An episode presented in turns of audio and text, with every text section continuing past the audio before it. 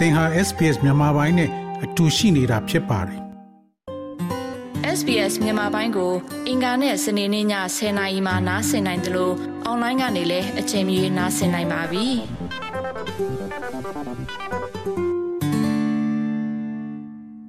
21ရာစုကစားလို့ကမ္ဘာနိုင်ငံအသီးသီးရဲ့ကြိုးချက်မှုကိုလေ့လာတဲ့အခါပြည်သူတွေရဲ့ digital သုံးစွဲနိုင်မှုဟာထိတ်ဆုံးကပါဝင်လာခဲ့ပါတယ်။ အင်တာနက်အသုံးပြုပြီးအွန်လိုင်းကနေငွေပေးချေမှုစနစ်တွေကျန်းမာရေးအကြံပြုဝန်ဆောင်မှုကစားလို့ပညာရေးဆိုင်ရာလေ့လာမှုတွေတရင်အချက်လက်စီစဉ်မှုတွေကိုအချိန်နဲ့အမျှမြန်ဆန်အောင်စူးစမ်းနေကြရတဲ့အချိန်ကာလတစ်ခုလို့ဆိုနိုင်ပါတယ်။ဒီလိုစူးစမ်းခဲ့ကြရတဲ့တဲမှာမြန်မာနိုင်ငံလည်းအပါအဝင်ပါ ပြီးခဲ့တဲ့2015နောက်ပိုင်းမှာနေဘဏ်စနစ်တွေမှာအွန်လိုင်းငွေပေးချေမှုတွေများပြားလာသလို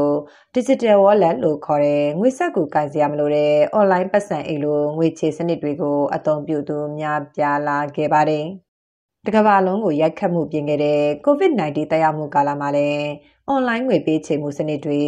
ကျန်းမာရေးပညာရေးအွန်လိုင်းဝန်ဆောင်မှုတွေဟာပြည်သူအများအသုံးပြုရာဖြစ်လာခဲ့ပါတယ်။ ဒါပေမဲ့လည်းစစ်အာဏာသိမ်းကာလတစ်နှစ်ခွဲကျော်ကြာမှာတော့ digital စနစ်ဟာပြည်သူတွေအတွက်စိတ်မအေးစရာဖြစ်လာခဲ့ပါတယ်။လက်ရှိဖြစ်ပေါ်နေတဲ့အခြေအနေတွေနဲ့ပတ်သက်ပြီးစစ်အာဏာရှင်စက်ကြီးရန်ကုန်အင်အားစုရဲ့အဖွဲ့ဝင်တူဖြစ်သူကိုနန်းလင်းကအခုလိုပြောပါတယ်။ဟိုအထူးသဖြင့်အဲဒါစစ်ကောင်စီကလွန်ခဲ့တဲ့တစ်နှစ်ခွဲကာလမှာဆိုရင်ချို့ဒေတာတွေကိုအင်တာနက်ကိုအခုချိန်ထိပိတ်ပစ်ထားတယ်။ဒီခါလေးကျရင်သူတို့စိတ်ဟိုသူတို့ရဲ့စိတ်လိုရင်လိုသလိုမလိုရင်မလိုလိုအင်တာနက်တွေကိုပိတ်ပစ်တယ်။ နှီးပြတာတွေရှိတယ်တောက်လျှောက်နော်သုံးလို့ရတဲ့ internet ကလည်းလုံခြုံမှုလည်းမရှိဘူး privacy လည်းအာမခံထားနိုင်မှုဘာမှမရှိဘူးအဲ့လိုအနေအထားတစ်ခုမှာကျွန်တော်တို့ပြည်သူတွေရဲ့ internet တုံးဆွနိုင်မှုနဲ့ပတ်သက်ပြီးတော့အဲကျွန်တော်တို့ကိုနိုင်ငံတကာကနီးပညာအဖြစ်ကူညီနိုင်တယ်လို့တော့ကျွန်တော်ထင်တယ်ပေါ့နော်ယူကရိန်းတို့နော်အီရန်တို့မှာဆိုရင်ဒီနိုင်ငံတကာကနေပြီးတော့မှလာ Elon Musk တို့ဘာတို့ကနေပြီးတော့သူတို့ဒီ ဒီလိုမျိုးနိုင်ငံတွေကိုဒီ internet နဲ့နီးပညာဆိုင်ရာအကူအညီတွေပေးရရှိတယ်ဒါပေမဲ့ကျွန်တော်တို့တိုင်းပြည်တော့အဲ့လိုမျိုးအကူအညီတွေပေးရမတွေ့ရဘူးဗျအာအာနောက်တစ်ချက်ကတော့မြန်မာပြည်မှာအခုဆိုရင်ဒါယုံကြည်ရတဲ့ operator တွေကမရှိတော့ဘူးလို့ပြောလို့ရတယ်ပေါ့ဗျာမရှိတော့ဘူးနောက်သူတို့ကိုကျွန်တော်တို့ကယုံကြည်စိတ်ချစွာနဲ့ကျွန်တော်တို့ရဲ့ပေးထားတဲ့ data တွေကလည်းအာမခံမှုမရှိတော့တဲ့အနေအထားပေါ့နိုင်ငံရဲ့အဓိက operator တွေဖြစ်တဲ့ MBT, Mytel တို့ဟာလည်းအာနာသိန်းစစ်ကောင်စီကအဓိကလွှမ်းမိုးချုပ်ကိုင်ထားတာပါ ပြည်ပယင်းနှိမ့်မြုပ်နှံမှုဆက်သွယ်ရေးကုမ္ပဏီတွေဖြစ်တဲ့ နော်ဝေအခြေစိုက် Telenor ကာတာနိုင်ငံအခြေစိုက် Ooredoo တို့ဟာလည်း လုပ်ငန်းတွေကို လွှဲပြောင်းရောင်းချပြီး မြန်မာနိုင်ငံကနေ ထွက်ခွာသွားခဲ့ပါတယ်။လက်ရှိကာလမှာတော့ စစ်ကောင်စီဟာ အင်တာနက်သုံးစွဲမှုတွေကိုပုံမကတ်တက်လာသလို အခွန်ခနှုန်းချတွေ တိုးမြင့်တာ အင်တာနက်အသုံးပြုမှု အခြေအနေတွေကို နောက်ရောက်ခံတာ digital ပစ္စည်းတွေဖြစ်တဲ့ mobile phone, laptop စတာတွေကို စစ်ဆေးတာတွေလှုပ်ဆောင်ခဲ့ပါတယ်။ ဒီအခြေအနေဟာအင်တာနက်အသုံးပြုပြီးစီးပွားရေးပညာရေးကျန်းမာရေးလူမှုရေးလှုပ်ဆောင်သူတွေအတွက်များစွာအကန့်အသတ်ကြုံတွေ့လာခဲ့ရတာပါပညာရေးပို့ချမှုတွေကိုလှုပ်ဆောင်နေတဲ့ Active English သင်တန်းရဲ့ဆရာတူဖြစ်သူကိုစင်စေကအခုဆိုရင်ဟို online ကနေပြီးတော့တင်တဲ့အခါမှာသူကမလိုအပ်ပဲနဲ့အကိုတို့ကအရှင်းပြတော့ဟိုလုံုံရေးအရာဆိုပြီးတော့အဆင့်တွေကိုမလိုအပ်ပဲခံရတယ်။အဲပြီးရင်ចောင်းသားနဲ့ဆရာရဲ့ရင်းနှီးကိုတကယ်လို့လုံုံရေးကိုဦးစားပေးခြင်းသူကတက်နိုင်လောက်နဲ့ short ရတယ် အဲ့ဒါပဲဥပမာဆိုပါတော့ဘယ်ရောက်နေလဲကိုတယောက်တယောက်မသိရဘူးဟုတ်နော်အဲပြီးရင်အဲ့ဘယ်ရောက်နေလဲမှန်းလို့ရမှာဆိုလို့တခါကြရင်နောက်ခံအောင်မှန်းလို့ရမှာဆိုလို့ဗီဒီယိုတော့မဖွင့်ကြဘူးအဲစပြီဒါမျိုးလေးတွေလုပ်ပြီးတော့တင်နေကြရတဲ့အနေအထားရှိတယ်ပေါ့နော်ချိုးဆရာဆရာမတွေဆိုအဲ့လိုလုပ်နေတာဒီတကယ်တကယ်တမ်းမှာចောင်းသားဆိုတာဆရာနဲ့မျက်နှာချင်းဆိုင်တင်နေတော့မှအာယုံဆိုင်မှုကပြန့်သွားတတ်တာ အဲ့တော့အဲ့ချိန်မှာ online ကတင်တာဖြစ်တဲ့အတွက်အာယုံဆိုင်မှုကရဖို့ကခက်တဲ့အပြင်ခုနလိုမျက်နှာပါဖျောက်ရတယ်ဆိုတော့အဲ့ချိန်မှာအာယုံဆိုင်နိုင်ဆိုတာကတော်တော်ကြီးကိုကျသွားပြီပေါ့နော်အဲ့ဒါအဲ့ဒါကိုတော်တော်ကြီးကိုထိန်းတင်ရတဲ့ကိစ္စကတော်တော်လေးကိုခက်ခဲတယ်စစ်ကောင်စီဟာအာဏာသိမ်းစဖေဖော်ဝါရီတရက်မှာပဲဖုန်းခေါ်ဆိုမှုမိုဘိုင်းအင်တာနက်သုံးစွဲမှုတွေကိုပိတ်ပင်ခဲ့ပါတယ်။လမ်းပေါ်တပိတ်တွေများပြလာတဲ့အခါမှာတော့အချိန်ကတ်သက်တာတွေလွတ်လပ်စွာသုံးစွဲခွင့်ကတ်သက်တာတွေကိုလှုပ်ဆောင်ခဲ့တာပါ။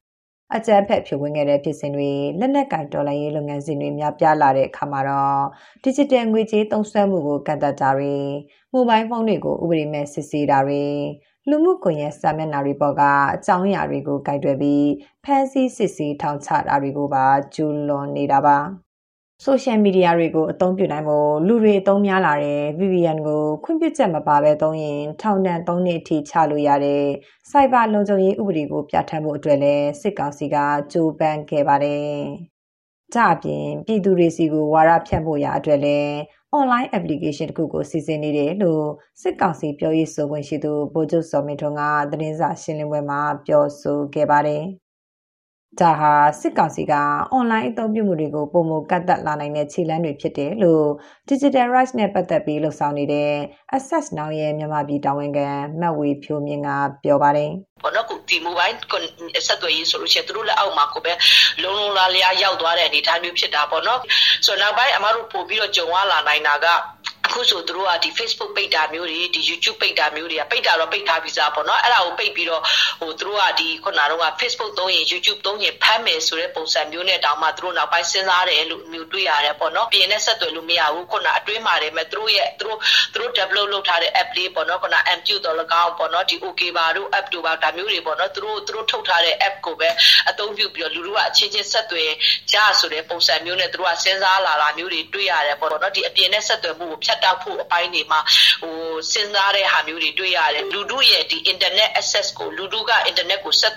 ချိတ်ဆက်ရယူနေတဲ့ဟာကိုထိန်းချုပ်ဖို့ကတော့ဟိုသူတို့ပို့ပြီးတော့ထပ်တိုးပြီးတော့လှုပ်လာ မဲ့အလားလာတွေရှိတာပေါ့နော်ဆိုတော့အဲ့ကျတော့ဟိုကောင်းတဲ့အလားလာတော့မဟုတ်ဘူးအဲ့ကျတော့အမားတို့အနေနဲ့ကတော့ဟိုတစ်ဖက်မှာကအဖြေရှာဖို့อ่ะပေါ့နော်ခုန YouTube တို့ Facebook ကုမ္ပဏီတို့ကလည်းပဲဟိုပူးတွဲပြီးတော့အဖြေရှာဖို့လိုတယ်ခုနရက်ဖက်ဖွဲ့စည်းတွေကလည်းပဲပေါ့နော်ဒီဟာတွေကိုတစ်ချိန်နဲ့ဒီပြင်းကြီးစောင့်ကြည့်ပြီးတော့ဟိုဖြစ်နိုင်ခြေတွေကိုပေါ့နော်ဟိုအမားတို့ဘယ်လိုပုံစံမျိုးနဲ့ပေါ့နော်ဒီနိုင်ငံတကာကိုအတိပေးမလဲဆိုတဲ့ဟာမျိုးတွေလည်းဟိုအမားတို့ဒီဟာတွေကိုစဉ်းစားပေါ့နော်နိုင်ငံတကာရဲ့အားတွေလည်းအမားတို့ယူဖို့လိုမယ်လို့မြင်တယ်ပေါ့လေ COVID-19 နဲ့အာဏာသိမ်းကာလအတွင်းမြေပြင်မှာကြောင်းတက်ဖို့လက်လန်းမမီတဲ့ပညာရေးစနစ်ကိုပေါင်ကူပေးဖို့ကြိုးပမ်းလာတဲ့အွန်လိုင်းပညာသင်စနစ်ကိုလည်းစစ်ကောင်စီကဖိနှိပ်ခဲ့ပါတယ်။ခြားကာလပညာရေးအတွက်အမျိုးသားညီညွတ်ရေးအစိုးရအန်ယူဂျီနဲ့ချိတ်ဆက်ပြီးအွန်လိုင်းကနေအခမဲ့ပညာသင်ကြားပေးနေတဲ့ကျောင်းဆရာဆရာမအချို့ကိုလည်းပြီးခဲ့တဲ့ဇူလိုင်လအတွင်းမှာစစ်ကောင်စီကဖမ်းဆီးခဲ့ပါတယ်။ ဒီလိုပညာရေးလုပ်ငန်းတွေအပြင်စစ်ပေးရှောင်ရေးလူမှုကူညီရေးဒီမိုကရေစီလှုပ်ဆောင်သူတွေရဲ့ကေပေးဝိပေးအကောင့်တွေကိုလည်းဗဟိုဘဏ်လမ်းညွှန်ချက်လို့ပြောပြီးပိတ်သိမ်းခဲ့ပါတယ်။ KP လို့ခေါ်ဝေါ်ကြတဲ့ KBZ Pay application ကို download လုပ်သုံးစွဲနေသူပေါင်းနဲ့လူဦးရေ9တန်းကျော်ရှိနေတာပါ။မှာရင်ပိတ်ခံရသူတွေကလည်းသက်ဆိုင်ရာဘဏ်အသီးသီးကိုဆက်သွယ်မေးမြန်းခဲ့ပေမဲ့ရေရတဲ့အဖြေကိုမရရှိခဲ့ပါဘူး။ စစ်အာဏာရှင်စနစ်ရှိနေသူရေလူနေမှုပုံစံအသီးသီးမှာဒီလိုအခွင့်အရေးတွေဆုံးရှုံးနေမှာပဲလို့ပြောလာသူကပရိသာပင်လို့အမိပေးထားတဲ့တော်လန်ရေးရမုံငွေ page ထူထောင်သူတူပါစစ်အာဏာရှင်စနစ်ပေါ့နော်ရှိနေသူရေကတော့တော်လန်ရေးပဲလုံးလုံးမလုံးလို့ကိုယ့်ရဲ့ပိုင်ဆိုင်မှုတွေကိုယ့်ရဲ့လုံခြုံမှုတွေဒီဘာရမှအာမမခံနိုင်ဘူးအဲ့တော့ဒါကိုနားလည်မယ်ဆိုရင်ကတော့အဖြေရရှင်းပါတယ်တော်လန်ရေးကိစ္စကိုပဲထိခိုက်တာမဟုတ်ဘူးဒီ မြန်မာနိုင်ငံမှာစစ်အာဏာရှင်စနစ်ရှိနေသည့်လူတိုင်းရဲ့ပိုင်ဆိုင်မှုတွေလူတိုင်းရဲ့လုံခြုံမှုတွေဒီထိခိုက်ပျက်စီးနေအောင်ပါပဲအဲ့ဒါကိုနားလည်အောင်ကျွန်တော်တို့ကြည့်တတ်ဖို့လိုပါလိမ့်မယ်အာနာသိမ့်ပြီးနောက်ပြီးခဲ့တဲ့နှစ်ဒီဇင်ဘာလကလေးကအင်တာနက်ဒေတာဈေးနှုန်းတွေကိုဆက်သွယ်ရေး operator တွေဖြစ်တဲ့ MPT, Mytel, Ooredoo နဲ့ Telenor တို့ကနှစ်ဆတိုးမြင့်ခဲ့ပါတယ်။ဖုန်းပြောတာရော data internet ပါသုံးမယ်ဆိုရင်တစ်လကိုကျပ်3000ဝန်းကျင်ကအနည်းဆုံးသုံးနေကြရတာဖြစ်ပါတယ်။ အိန္ဒိချင်းနိုင်ငံဖြစ်တဲ့ထိုင်းနိုင်ငံမှာဆိုရင် data internet ရောဖုန်းခေါ်ဆိုမှုပါအကန့်အသတ်မဲ့အသုံးပြုနိုင်ဖို့မြန်မာငွေကျပ်12000ဝန်းကျင်ပဲကုန်ကျနေတာကြောင့်မြန်မာပြည်တွင်း digital လွတ်လပ်စွာသုံးစွဲခွင့်တွေကတန်မိုးတွေနဲ့ကတ်သက်ခံထိုင်ရတဲ့အခြေအနေဖြစ်နေတာပါဒီလိုလှုပ်ဆောင်ချက်တွေကိုကြည့်ရင်စစ်ကောင်စီဟာ digital စနစ်ကိုနိုင်ငံရဲ့ဖွံ့ဖြိုးရေးထဲပြည်သူတွေကိုချုပ်နှောင်ရေးအတွက်လှုပ်ဆောင်နေတယ်လို့ရှင်းနေတူဖြစ်သူဦးမောင်မောင်ကသုံးသပ်ပါတယ်။ ဥပဒေမူကြမ်းကိုကြည့်လိုက်ရင်ပြည်သူလူထုရဲ့ကျွန်တော်တို့လုံခြုံရေးအခြေအနေကတော်တော်လေးဆူဆူဝါးဝါဖြစ်နေပြီးတော့ပုံကိုယ်ရေးလုံခြုံရေးလည်းမရှိဘူး။နောက်ဆက်သွယ်ရေးစနစ်သုံးတဲ့သူတိုင်းအတွက်အန်ဒီရဲ့ကအမြဲတမ်းတက်ရောက်နေတဲ့သဘောဖြစ်နေ။တကယ်ဆိုလို့ရှိရင်ကျွန်တော်တို့ cyber လုံခြုံရေးဒီအဥပဒေတွေရဲ့သဘောတဘာဝမှာ cyber စနစ်တွေဖွံ့ဖြိုးတိုးတက်ဖို့ရှိရမယ့်နေရာမှာအခုဥစ္စာဒီစနစ်ကိုကင်တွယ်ပြီးတော့ကျွန်တော်တို့ အာစီမံဆောင်ရွက်မှာကိုပေးထားတာကိုပြည်ထရေးနဲ့ကာကွယ်ရေးဝန်ကြီးဌာနလိုဌာနတွေကိုပေးထားတာကိုတဲကိုကဒါဖွံ့ဖြိုးရေးထက်ကျွန်တော်တို့ချုပ်နှောင်ရေးအဲပြီးတော့ကျွန်တော်တို့ဒီထဲမှာဟိုလွတ်လွတ်လပ်လပ်ဟိုတွေးခေါ်လို့ရမယ့်ဟာတွေဘာမှဆောင်ရွက်လို့လို့မရပဲねကျွန်တော်တို့ရဲ့အတွေးခေါ်တွေဘာတွေညာတွေကတဖြည်းဖြည်းပို့ပြီးတော့စုပ်ယုပ်သွားပြီးတော့လွတ်လပ်တဲ့တွေးခေါ်မှုတွေကောင်းတဲ့လှုပ်ချင်တဲ့လှုပ်ဆောင်ချက်တွေဘာတစ်ခုမှဆောင်ရွက်လုပ်ကင်လို့မရနိုင်တဲ့ အထီကိုကျွန်တော်တို့ရဲ့ဘယ်လိုခေါ်မလဲဆိုလို့ရှိရင်ဖွံ့ဖြိုးတိုးတက်ရမယ်ကျွန်တော်တို့ရဲ့အတွေးအမြင်တွေအကုန်လုံးစုပ်ယုပ်သွားတဲ့အနေအထားအထိဖြစ်နေတယ်စစ်မှန်တဲ့အစိုးရတရက်မပေါ်မချင်းရတော့ကောင်းမြတ်လာမဲ့အနေအထားမရှိပါဘူးဒါကြောင့် online သုံးစွဲတဲ့ပြည်သူတွေကိုကျွန်တော်တို့အကြံပေးချင်တာကတော့ဥပဒေရကဘယ်လိုမဆိုညီစွန်းနိုင်တဲ့အနေအထားဖြစ်အောင်အမျိုးမျိုးဟို အမိန့်တွေထုတ်တယ်ညွှန်ကြားချက်တွေထုတ်ထားတဲ့အတွက်ကို online သုံးစွဲမှုတွေကိုဖြစ်နိုင်သလောက်အတိသတိနဲ့ဂရုစိုက်ပြီးတော့သုံးစွဲဖို့တော့အကြံပြုချင်ပါတယ်လူဦးရေ54တန်းကျော်ရှိတဲ့မြန်မာနိုင်ငံမှာတန်း40ကျော်ကမိုဘိုင်းဖုန်းအသုံးပြုနေကြတာပါ။ဒါကြောင့်ဒီမိုကရေစီစနစ်ကိုလိုလားတဲ့ပြည်သူတွေရဲ့လွတ်လပ်စွာထုတ်ဖော်မှုတွေလှုပ်ဆောင်မှုတွေကိုလည်းမြေပြင်မှာတမက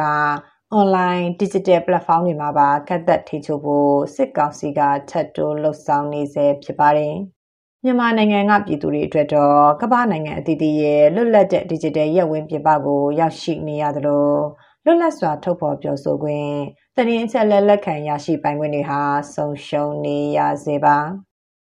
ဒီသတင်းဆောင်မကိုတန်လွင်ခက်ကပေးပို့ထားတာဖြစ်ပါတယ် SBS မြန်မာပိုင်းကိုနားဆင်ရတာနှစ်သက်ပါတလား Facebook မှာဆွေးနွေးမှုတွေကိုဆက်ကြရအောင်ပါ SBS မြန်မာပိုင်း Facebook ကို like လုပ်ပြီးတော့သင်ချင်တဲ့ချက်ကိုမျှဝေနိုင်ပါတယ် SBS Bemis ကို Facebook မှာ Share ကြည့်နိုင်ပါတယ်ရှင်။